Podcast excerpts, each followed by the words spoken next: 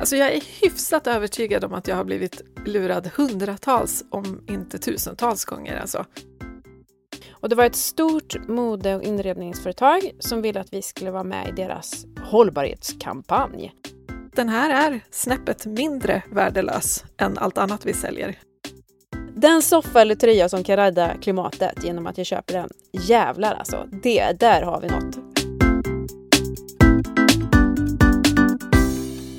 Hej Maria! Hej! Vi har ju en hel del att göra, både du och jag, men vi kan ju liksom inte riktigt hålla oss borta ifrån podden. Och nu gör vi ett avsnitt om fanfar greenwashing. Och detta avsnitt görs i samarbete med Pre... Nej, jag bara skojar. Eh, det här är såklart ett helt osponsrat avsnitt. Men du, varför gör vi det här avsnittet, Maria, om greenwashing?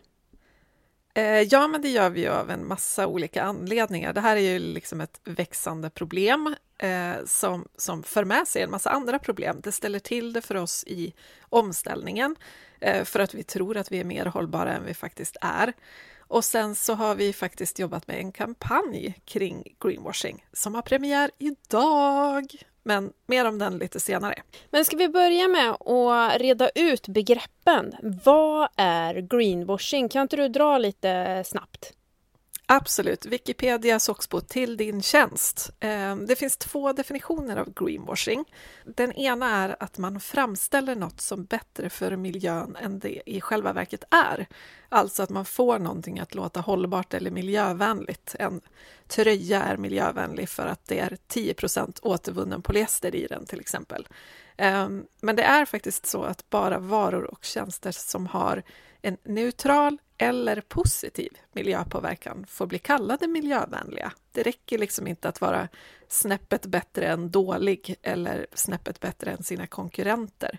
Eh, för annars så blir omgivningen liksom vilseledd och tro att en verksamhet med negativ miljöpåverkan är bra för miljön, och så är det ju inte. Så det är den ena definitionen.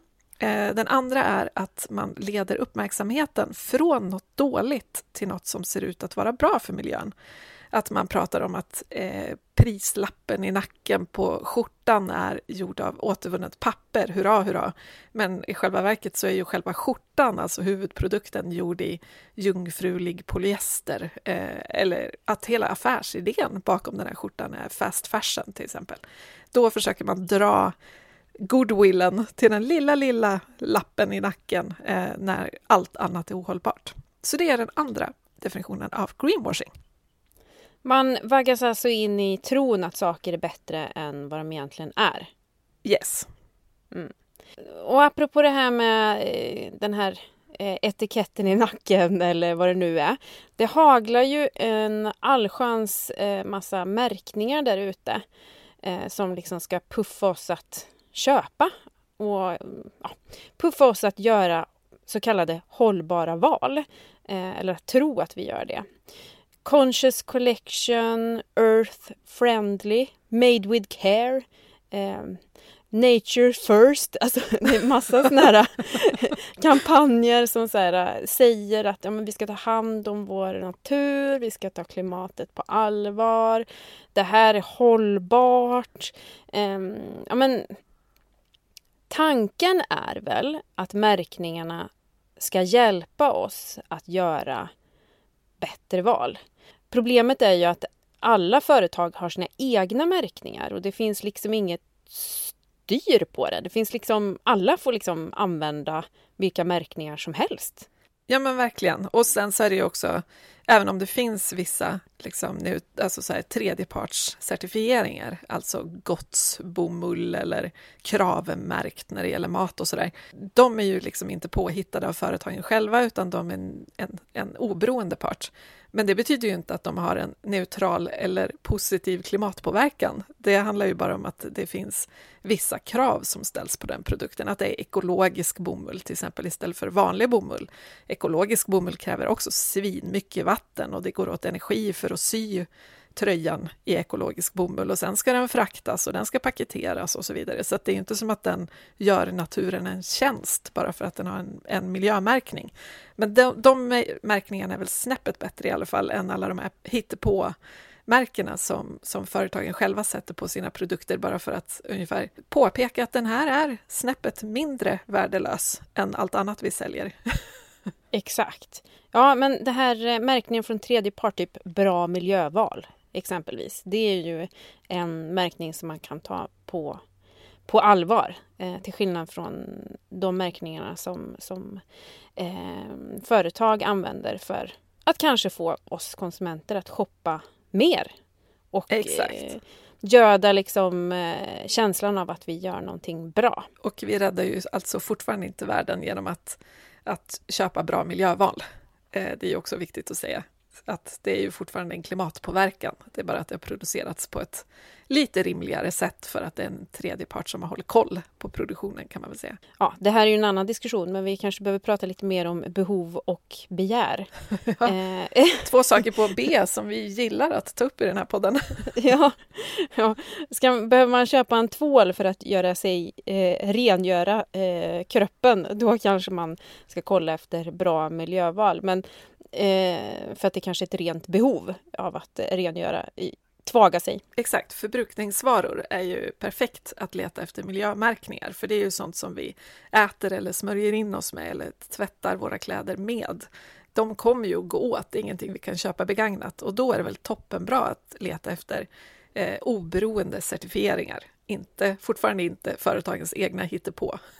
Men loss, eh, om vi lockas att köpa en ny soffa bara för att den är miljömärkt, då, är det behov eller begär? Ja, det är ju oerhört mycket begär. Eh, så länge vi har en soffa som, som fortfarande står på sina fyra ben och har stoppning kvar så, så är det ju faktiskt i främsta hand ett begär att vi köper en ny soffa, inte en begagnad soffa. Men du, eh, apropå märkningar och, och sådär och företagens egna märkningar. Har du blivit lurad någon gång att tro att någonting är bättre än vad det egentligen är? Alltså jag är hyfsat övertygad om att jag har blivit lurad hundratals, om inte tusentals gånger. Alltså. Och då anser jag mig ändå vara en hyfsat medveten konsument. Jag minns när den här märkningen BCI dök upp, till exempel i modebutikerna. Ehm, då tänkte jag, ja men toppen, nu kan man köpa jeans som är som är bra, liksom, som inte är, för det har man ju lärt sig, att jeans är bland det sämsta man kan köpa för att det går åt så mycket vatten och kemikalier och sådär. BCI, det låter ju asbra. BCI är ju alltså inte ens ekologisk bomull, utan BCI står för Better Cotton Initiative, så det är ett branschinitiativ.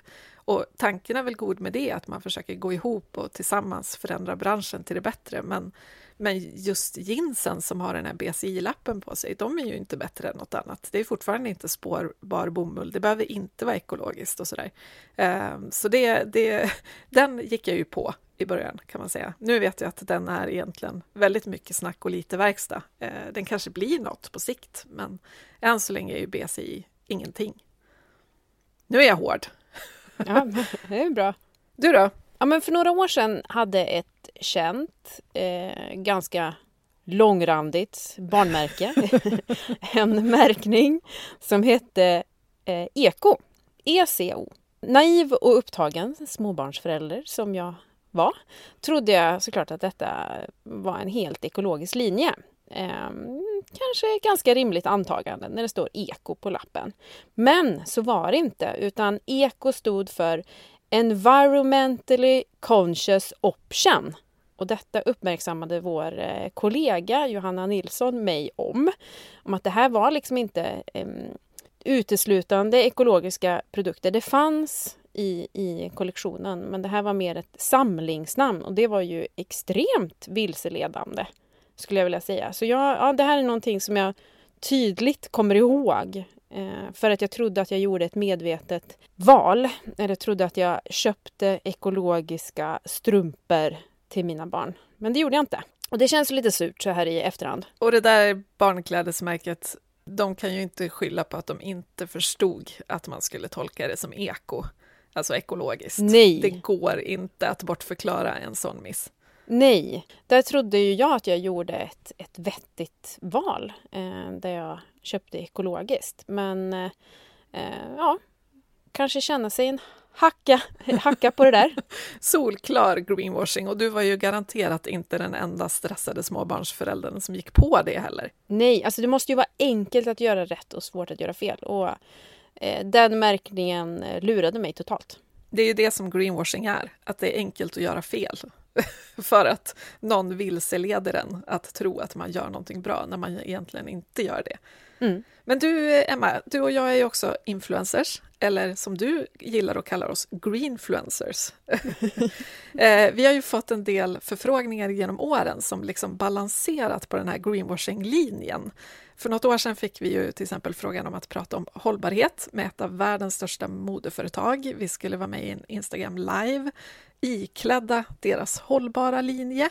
Eh, den tackade vi ganska raskt nej till, för vi förstod att det skulle inte se helt eh, rimligt ut i bild. Det blir ju lite knepigt att prata hållbarhet och att vi bör köpa färre plagg och samtidigt bära ett sprillans nytt plagg som finns i butik nu och bara köp den här så blir världen lite bättre. För vi kan ju inte shoppa oss ur klimatkrisen. Den var ganska lätt att tacka nej till för oss, men kampanjen blev ju ändå av. Ja, med andra influencers. En annan fuling gjordes ungefär i samma veva om inte jag minns fel. Det var eh, haglade ganska tätt om de förfrågningarna ett tag. Och det var ett stort mode och inredningsföretag som ville att vi skulle vara med i deras hållbarhetskampanj. Woho! Ja. och där skulle vi filmas när vi pratade om hållbarhet samtidigt som vi inredde våra hem i deras nyproducerade produkter och bar deras nyproducerade kläder. Den här kampanjen tackade vi nej till, men vi fick också höra i efterhand från andra influencers som hade fått samma förfrågning att vi var med i liksom pitchen för kampanjen, alltså insäljningsbriefen. Typ så här, var med i den här kampanjen. Emma och Maria är redan med. Exakt. Snyggt. Och det är ju också sjukt vilseledande. För jag tror, nu ska jag försöka låta ödmjuk eh, och inte för självgod. Men jag tror att vid det här laget så, eh, så tror jag att ganska många kopplar ihop oss med en viss typ av eh, vet inte, hållbarhetsstämpel kanske. Um, och om vi säger att kampanjen är, är okej och har tackat ja, så är den nog lugn att tacka ja till. Ja. Så då använder man ju oss för att greenwasha en kampanj som i sig var greenwashande hattrick i greenwashing på något vis. Ja men precis. Det där får man, vi, jag återkommer ju till det här eh, både en och 50 gånger men vi är ju flockdjur, vi gör som alla andra. Om någon har tackat ja till en kampanj och ser att det är någon annan som har gjort det som man kanske har lite förtroende för eller att man känner att ja, men det är någon som man känner till, då, är det ju, då tror man ju att det är fine. Verkligen. Sen är det ju intressant också, för båda de här har ju vi motiverat varför vi har tackat nej till. Och i det här fallet med mode och inredningsföretaget så, så minns jag att vi faktiskt också sa att så här, ja, men vi kan ju inte bli ambassadörer för ett hållbarhetsarbete som vi inte har varit med och bidragit till. Men låt oss jobba bakom kulisserna i ett år och hjälpa er att bli mer hållbara på riktigt. Så kan vi sen efter det året gå ut och berätta vad vi har bidragit med. Nej, kampanjen skulle ske innan. Lite som att så här, ge fredspriset till någon innan de faktiskt har gjort något för freden, för man tänker att ja, men han vill nog väl. Och det är lite så man, så här, ja, vi är hållbara, vi berättar om det nu. Eller vi ska bli hållbara, vi berättar om det nu. alltså. Ja, alltså vi erbjöd ju liksom att, att eh, prata hållbarhet med dem, fast eh, utanför eh, allas, eh, när alla såg på. Eh, för att eh, vi vill ju prata, snacka klimat och omställning i, i alla på alla sätt vi kan. Eh, men det var ju tydligt att de bara ville ha oss för att liksom rättfärdiga kampanjen på något vis. Det är intressant också, för det är klart att de här, båda de här företagen är ju gigantiska, omsätter hur mycket pengar som helst, eh, har jättemycket kunder, producerar jättemycket saker. Det är klart att man vill att de ska ställa om och att de ska, ska förändra sin affärsmodell och så vidare. Så det är ju inte som att vi liksom automatiskt ska dissa allt de gör. Men problemet är väl att väldigt mycket av det de gör i dagsläget är ganska kosmetiskt. Alltså att man, man eh, lanserar en conscious, medveten, hållbar kollektion på något vis. Medan affärsmodellen fortfarande är eh, liksom hur många släpp med trendkollektioner som helst varje år och eh, att kläder eller vad det nu är produceras i gigantiska upplagor så det ska bara säljas så mycket som möjligt och det är ju liksom problemet. Så att man måste ju få prata om rätt saker om man ska göra en, en, en kampanj med ett sånt här företag. Man måste ju prata om de stora utmaningarna. Liksom. Men jag tycker ju det här med, med influencers också blir lite extra intressant, för något som jag inte tror att många vet är att influencers också måste följa marknadsföringslagen. Eh, om vi som influencers, eller greenfluencers då, eh, gör samarbeten där vi sprider olika företags greenwashade budskap vidare, då kan ju vi anmälas och fällas också. Jag undrar hur många som faktiskt vet det? Jag tror inte att det är, jag tror inte att eh, gemene hen har superkoll på det. Men hade, säg att vi hade tackat ja till de här två kampanjerna som vi pratade om här. Då hade ju våra följare kunnat anmäla oss. Ja, lätt. För greenwashing. Verkligen. Och då är det ju faktiskt vårt ansvar som influencers att inte bara tacka ja till liksom, checken. Haha, vem får en check nu för tiden? Men att, att hundra år gammal Soxbo här borta. Men nej, men alltså att, att vi inte bara tackar ja till den, den liksom ganska feta arvodessumman och sen bara accepterar den här briefen att du ska berätta om den här kollektionen, du ska ha de här kläderna på dig och så vidare. Utan vi har ju faktiskt ett ansvar att se till att inte vi greenwashar någonting. Och då måste vi ställa kritiska frågor och faktiskt ta reda på vad det här budskapet innebär och hur lagen ser ut. Vad får vi säga egentligen om hållbarhet till exempel? Assvårt. Det är väldigt mycket ansvar som läggs på varje individ här, men så länge en, en influencer är ett företag så så måste vi ju sköta sånt också såklart. Det handlar ju om influencers trovärdighet och den kan ju försvinna i ett Alltså, den kan ju försvinna på en sekund om man gör fel. Och det är ju, för det första så, det är ingenting man vill för att man kan skada sitt varumärke för all framtid. Eh, sen så kan jag också tycka att, att det är, nej jag ska inte ens gå in på det. Men eh, många varumärken kan hamna i, i greenwashing-sammanhang. Ja. Vi pratar, för, vi pratar för lite om det och det finns för lite insyn och eh, jag tror att få som sagt influencers vet vad de eh, vad som kan hända, att man faktiskt kan bli anmäld. Ja men verkligen, och jag, och jag förstår att man tackar ja till de här kampanjerna för att det känns ju ändå bättre att om man nu ska promota någon form av ny produkt, eh, liksom uppmana till konsumtion, som man ju gör då, oavsett om man vill eller inte, Ehm, så känns det såklart bättre att uppmana till vad man tror är ett medvetet eller hållbart val. Det är inga konstigheter i det. Problemet är ju bara att man får inte kalla någonting som är hållbart för hållbart om det inte är det. Ehm, och jag, alltså, vi är ju rätt pålästa om det här vid det här laget, du och jag, men jag tänker att vi ändå ska ta in ett proffs. Eh, det här blir vår vår allra första gäst i ett bonusavsnitt. Vi bryter våra egna regler ganska snabbt här. Eh, men vi har ju någon som faktiskt också finns på Instagram, men som absolut inte greenwashar sitt konto alls, utan tvärtom riktar strålkastarljuset på problemet. Och det är hållbarhetsexperten Yrsa Lindberg som driver Instagramkontot Greenwashing i Sverige som växer så det knakar. Ska vi snacka med henne eller? Ja, låt oss. Du Isha, varför startade du kontot Greenwashing i Sverige? Eh, ja, det var faktiskt en reaktion mot eh, Black Week i slutet av förra året. Eh, jag hade länge liksom stört mig på olika typer av greenwashing men i och med Black Week så blev det verkligen jättemycket värre. Ehm, och hela Instagram fylldes liksom av annonseringar om gröna deals som man skulle ja, köpa inom 24 timmar och eh, olika hållbara produkter och klimatkompenserade frakter och Naked gick ut och skrev att de skulle klimatkompensera hela eh, Black Week. Eh, och då kände jag verkligen att det, ja, allt ställdes på sin spets typ. Ehm, det var verkligen som att man ville få människor med klimatångest som kanske hade liksom tänkt att inte köpa så mycket, att handla ändå.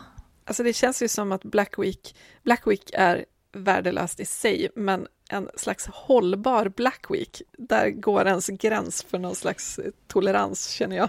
Ja, men jag håller med. Och det blev så tydligt också, så här, desperationen. Att så här, nej, nu finns det någonting här som gör att vi inte kommer kunna öka vår försäljning i år hur hanterar vi det? Det blev så genomskinligt. Eh, så då startade jag det här kontot och eh, fick typ 500 följare på två dagar och 1000 på en vecka. Jag blev helt liksom chockad. Men det visar ju verkligen hur, hur trötta folk är på greenwashing och ehm, ja, hur folk också vill lära sig mer. Det tycker jag är ändå positivt.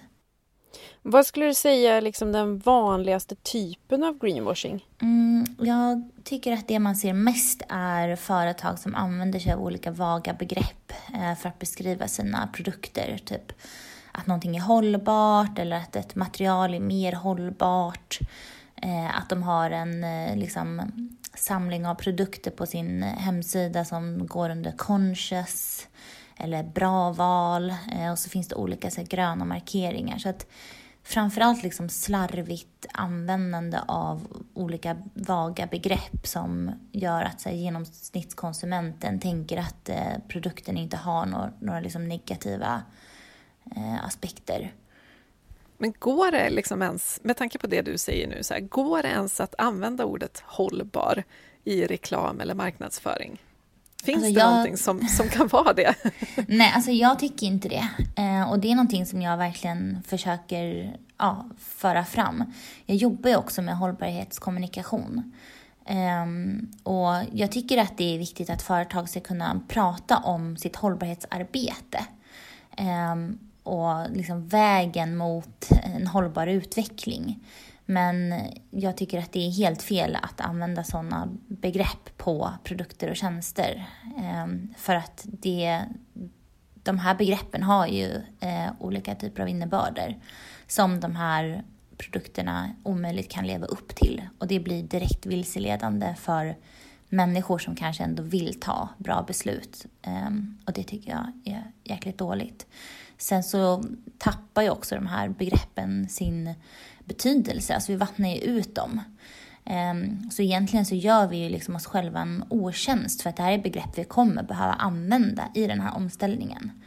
Ehm, så jag tycker liksom att det också är ganska allvarligt att man använder dem lättsint. Liksom. Hur ska man använda, eller liksom hur ska man presentera sitt hållbarhetsarbete då? Alltså, stor fråga, men... men alltså om man, nu, om man nu är ett företag som, som lätt vill göra en hållbar kollektion och så vidare, hur ska man göra? Hur ska man berätta att man ändå har tagit någon form av steg utan att det blir greenwashing?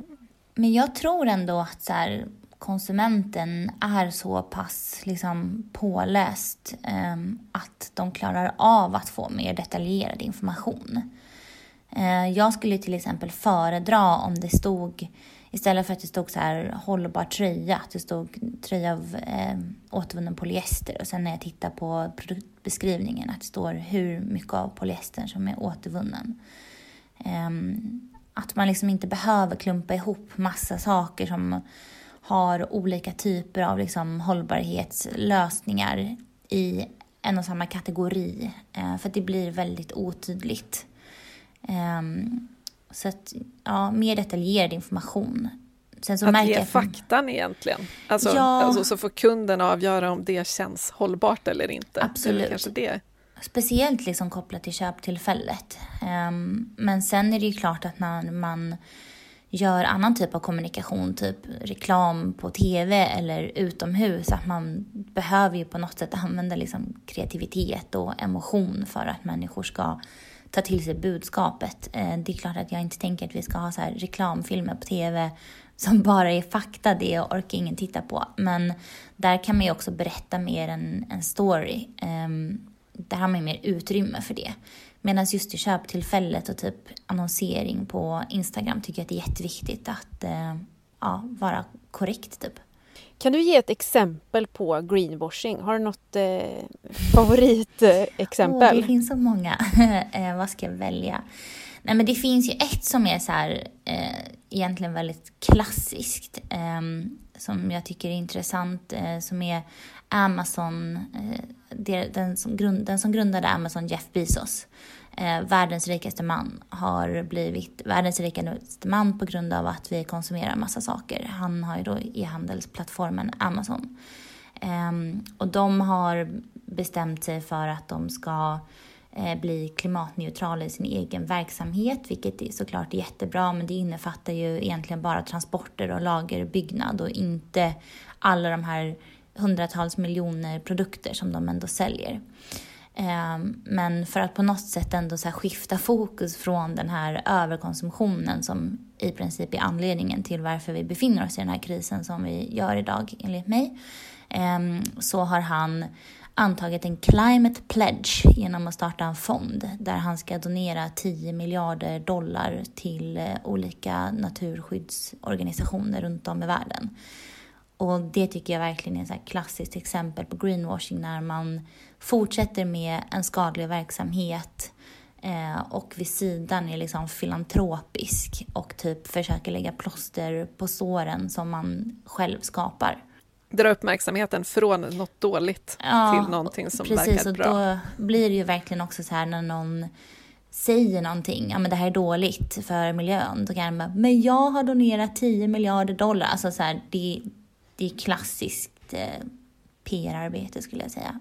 Um... Det var någon i Klimatklubben som liknade klimatkompensation vid att vara eh, spermadonator och eh, yrkesmördare samtidigt. Eh, tycker jag känner igen det här i, i, i, ja. i samma liksom, sammanhang om man säger så. Absolut, det kan jag typ signa upp på. Sen finns det ju liksom, jag är inte helt emot klimatkompensation så länge det görs i samband med att man också minskar sina utsläpp. Ehm, men det känns som att hela klimatkompenseringen har eh, blivit använd väldigt felaktigt. Så att, ja. Men det finns ju något som heter green hashing också. Mm. Eh, nej, men det är ju motsatsen till greenwashing eh, när ett företag inte pratar om allt bra de gör. Eh, och det kan ju vara för att man är rädd för att, eh, liksom, ja, att det ska bli backlash. Det finns ju väldigt många företag nu som är rädda att eh, prata om sina olika initiativ. Jag tycker att det är viktigt att man ska prata om sitt hållbarhetsarbete eh, och det är tråkigt om det är så att företag som har ett seriöst hållbarhetsarbete på plats inte känner att man kan berätta om det. För att det är ju också så att att göra en omställning, det krävs väldigt mycket liksom investeringar och du måste på något sätt också kunna eh, få tillbaka på de investeringarna. Vi vill ju ändå att företag ska våga investera i omställningen och då blir ju greenhushing ett problem. Samtidigt så tycker jag också att det är ett problem att alla företag ska berätta om allt de gör. Vi har en väldigt stor liksom, reklamtrötthet nu, eh, vilket man mäter varje år. Eh, vilket innebär att vi människor är väldigt trötta på att få reklam kastat i ansiktet hela tiden, överallt. Eh, folk liksom betalar ju till och med för att slippa reklam nu genom att köpa olika prenumerationstjänster. Och där tycker jag verkligen att klimatbudskap har också liksom blivit väldigt mycket mer och mycket överallt. Jag tror att många också behöver tänka lite kring hur mycket de ska prata om det här och vad de ska göra det. Vad ska man göra om man upptäcker greenwashing? Ja, eh, jag tycker verkligen att man ska anmäla eh, till Konsumentverket och om man också orkar till Reklamombudsmannen som är eh, näringslivets självreglerande organisation. Um, och där kan man också bli fälld och det ser inte så bra ut eftersom att det är ändå så näringslivet som har kommit överens om att man ska bete sig väl. Um, så jag tycker verkligen att man ska anmäla. Man ser också att ju mer vi anmäler hos Konsumentverket desto liksom högre upp på agendan hamnar de här frågorna. De har, alltså man ser att ja, anmälningarna mot miljöpåståenden har ökat väldigt mycket de senaste åren. Vilket jag då drar slutsatsen är en av anledningarna till att man eh, nu i år släppte en undersökning tillsammans med konsumentverk i övriga EU eh, där man just kollade eh, klimatpåståenden på e-handel i EU. Och just när det kommer till liksom e-handeln är det väldigt viktigt att det blir en EU-fråga för att vi shoppar inte bara från liksom svenska sajter. Um, så ju mer vi anmäler desto högre upp på agendan kommer det och desto mer liksom noggranna kommer ju företag vara kring hur de formulerar sig. Men sen tycker jag också att man ska höra av sig till företagen, ställa frågor, skriva i kommentarsfält att man inte tycker att det är okej. berätta om det så att man slutar handla där på grund av att eh, man tycker att de liksom vilseleder. För att om det är någonting som jag verkligen lärt mig från att jobba med kommunikation så är det att företag bryr sig väldigt mycket om vad deras kunder tycker. Eh, man är väldigt rädd för negativt kommentarsfält eh, och mycket mejl till kundtjänst. Fem människor är en Twitterstorm. Ja, liksom. nej, men det är verkligen det. De har ju till och med verktyg med liksom sökord som, som analyserar kommentarsfält, eh, stora företag. Så att man har väldigt mycket mer makt än vad man tror. Så använd den. Är det svårt att anmäla? Är det krångligt? Alltså jag blev förvånad över hur enkelt det var när jag gjorde det första gången. Jag trodde verkligen att det skulle vara superbyråkratiskt. Eh, både Konsumentverket och Reklamombudsmannen har väldigt enkla webbformulär. Man kan också skicka post eh, in eh, om det är så att man inte vill anmäla via webben. Men där fyller man egentligen bara i var man har mötts av den här reklamen, eh, Eh, när och så får man beskriva vad man tycker är dåligt och sen får man skicka bilder också. Så att ett tips är att hela tiden fota eh, antingen liksom utomhusannonser eller fota av tvn lite snabbt eller liksom printscreena med mobilen eller datorn när man möts av sånt här och spara det så att man har det när man ska anmäla. Eh, och också så när man beskriver det är viktigt att veta att eh, de här liksom regleringarna handlar om hur genomsnittskonsumenten uppfattar eh, reklamen. Så du som genomsnittskonsument ska också kunna anmäla den. Du behöver liksom inte kunna marknadsföringslagen utan till och du behöver inte använda fackspråk. Utan beskriv så gott du kan eh, vad, vad du tycker är problem. Liksom. Så, så ska det gå vägen. Sen tar det lite tid att få svar men eh, det är väldigt skönt när man har gjort det. Om man tycker det känns läskigt då att vara en person som anmäler, behöver man liksom tänka att det är jag, Maria Soxbo, som anmäler och företaget kommer få veta det och sådär? Um, alltså, de kan få veta vem det är för att Konsumentverket är liksom en myndighet så det är offentliga handlingar. Eh, och på reklamombudsmannen så står namnet också men jag tror att man ska tänka att Ehm, det brukar vara flera som anmäler samma och det är sällan att man går... Jag tror inte att företagen går in och tittar vem det är som har gjort det. Ehm, på Konsumentverket kan man också välja att inte, eller liksom att vara anonym, att inte skicka in sina eller kontaktuppgifter. Ehm, däremot återigen så är det en offentlig handling som de kan begära ut det. Men jag har svårt att se att någon skulle göra det. Och fördelen med att skicka in sina kontaktuppgifter är att Konsumentverket då kan höra av sig om det är så att du behöver lägga till kompletterande uppgifter så att de kan hantera ärendet. Just det. Och jag tycker verkligen inte heller att man ska känna att det är jobbigt att anmäla för att det är inte vi som gör fel. Det är företagen som har vilselett dig som har gjort fel. Ehm, det är ingenting liksom att man, man, som man ska behöva skämmas över. Viktigt att komma ihåg tycker jag.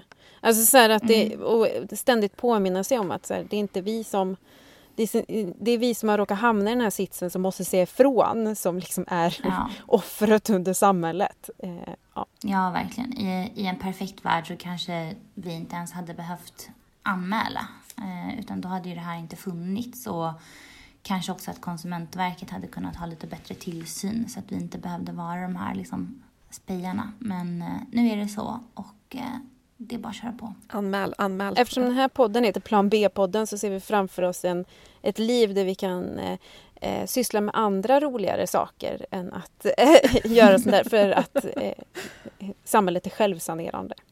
Och bra och vettigt. Mitt mål är att inte ens behöva ha mitt konto. Alltså målet med mitt konto är att det ska läggas ner.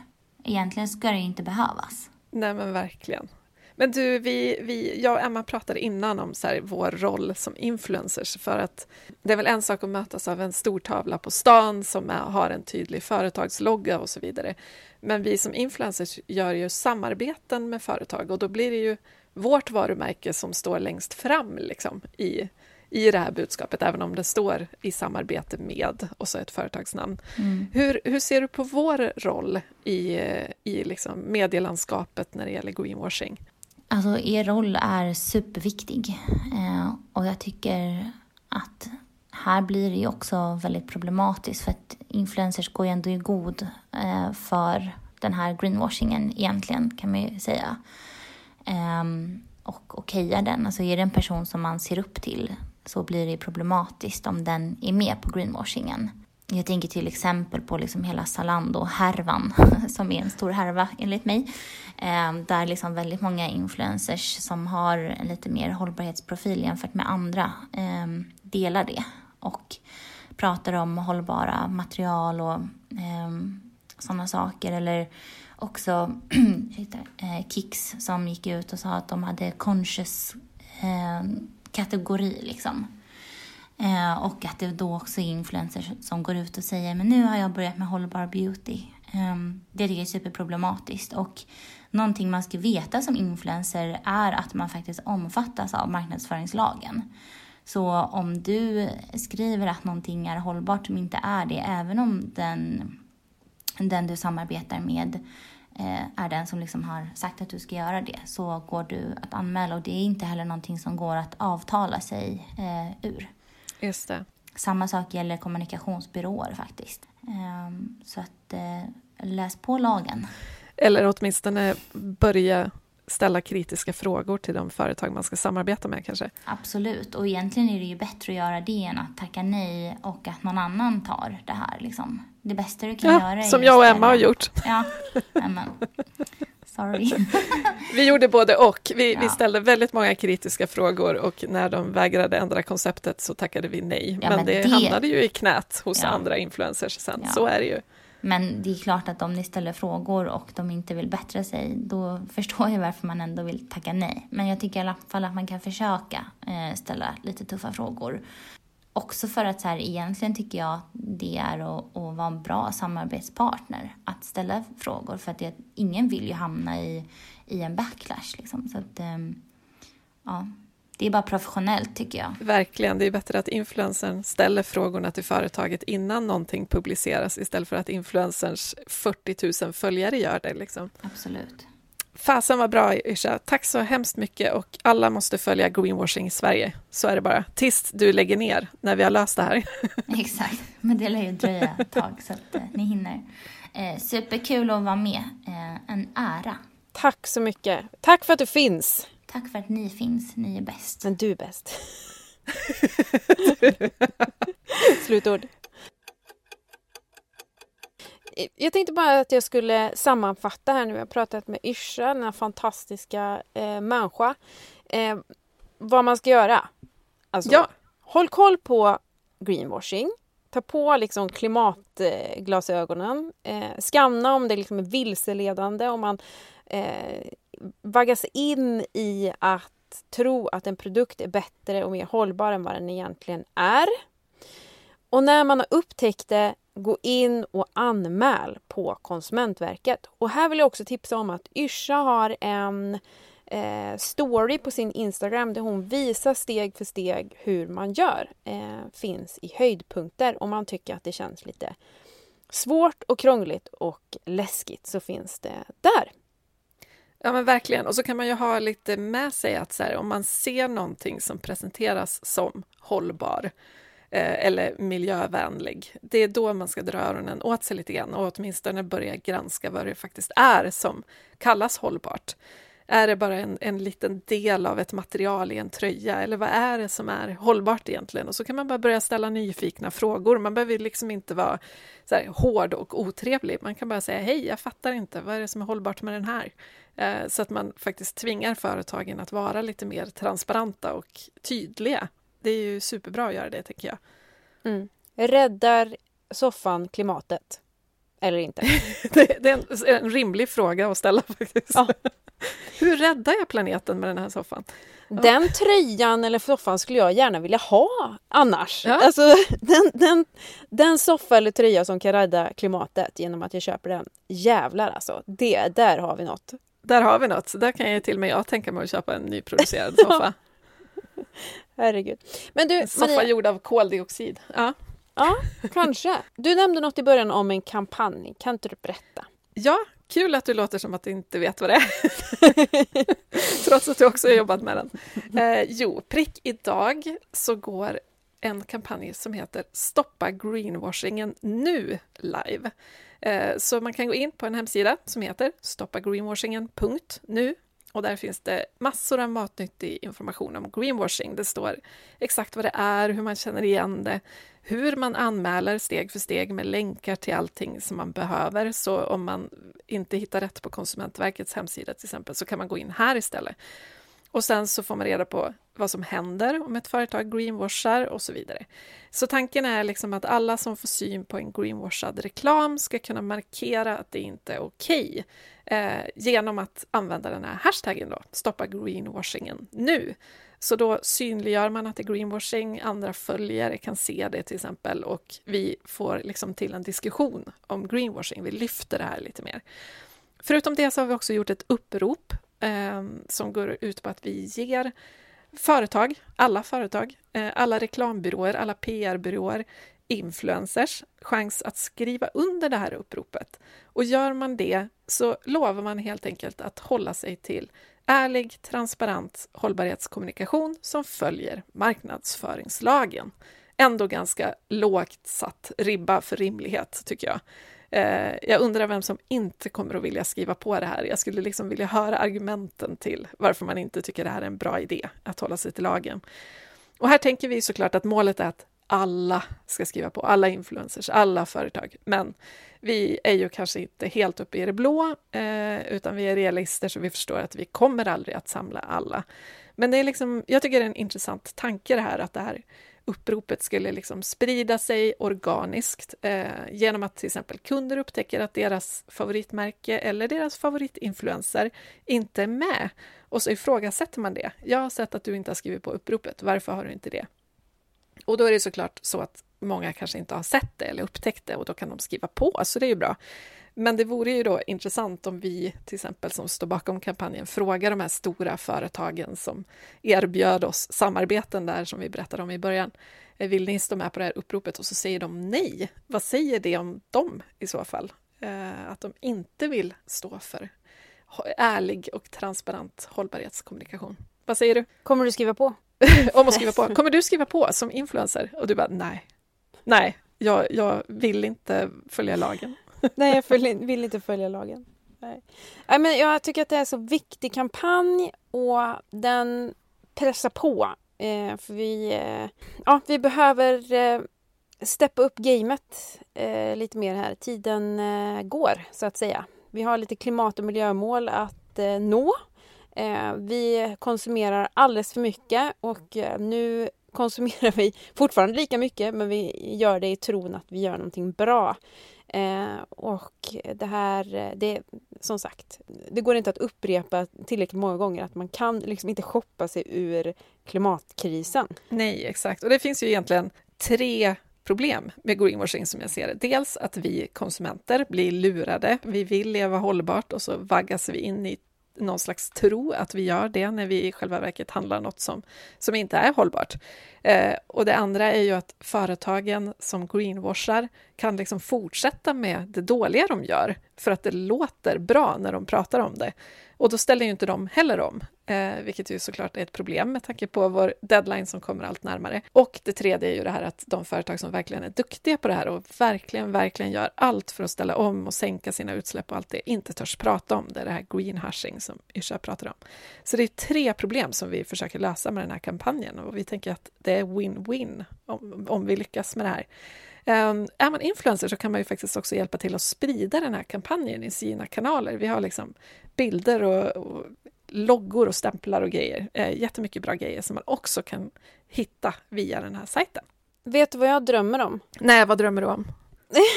jag drömmer... Ett färdigbyggt hus? Jag drömmer om en... Ja, dels det. Men jag drömmer om en eh, statlig instans som går igenom all reklam innan den ens når någon form av plattform och granskar den innan eh, det trycks upp på storbildsskärmar och i tv och frågar sig, gör den här reklamen gott eller ont för klimatet? Ja men verkligen. Det är kanske lite radikalt och kanske lite drömscenario men fan vad skönt det skulle vara. Eh, vilket göttigt samhälle vi skulle ha ifall det fanns eh, experter som faktiskt eh, silade vad som eh, kommuniceras ut. Så att allt vi såg kunde vi lita på.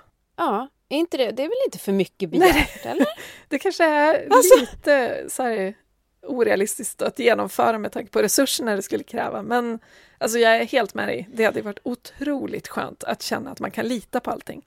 Men då kanske vi har för mycket reklam, tänker jag. Ja, Om det är så att det är resurserna, det är omöjligt att, att ha resurserna. det är inte så mycket reklampelare där ute i skogen där du bor nu, eller hur?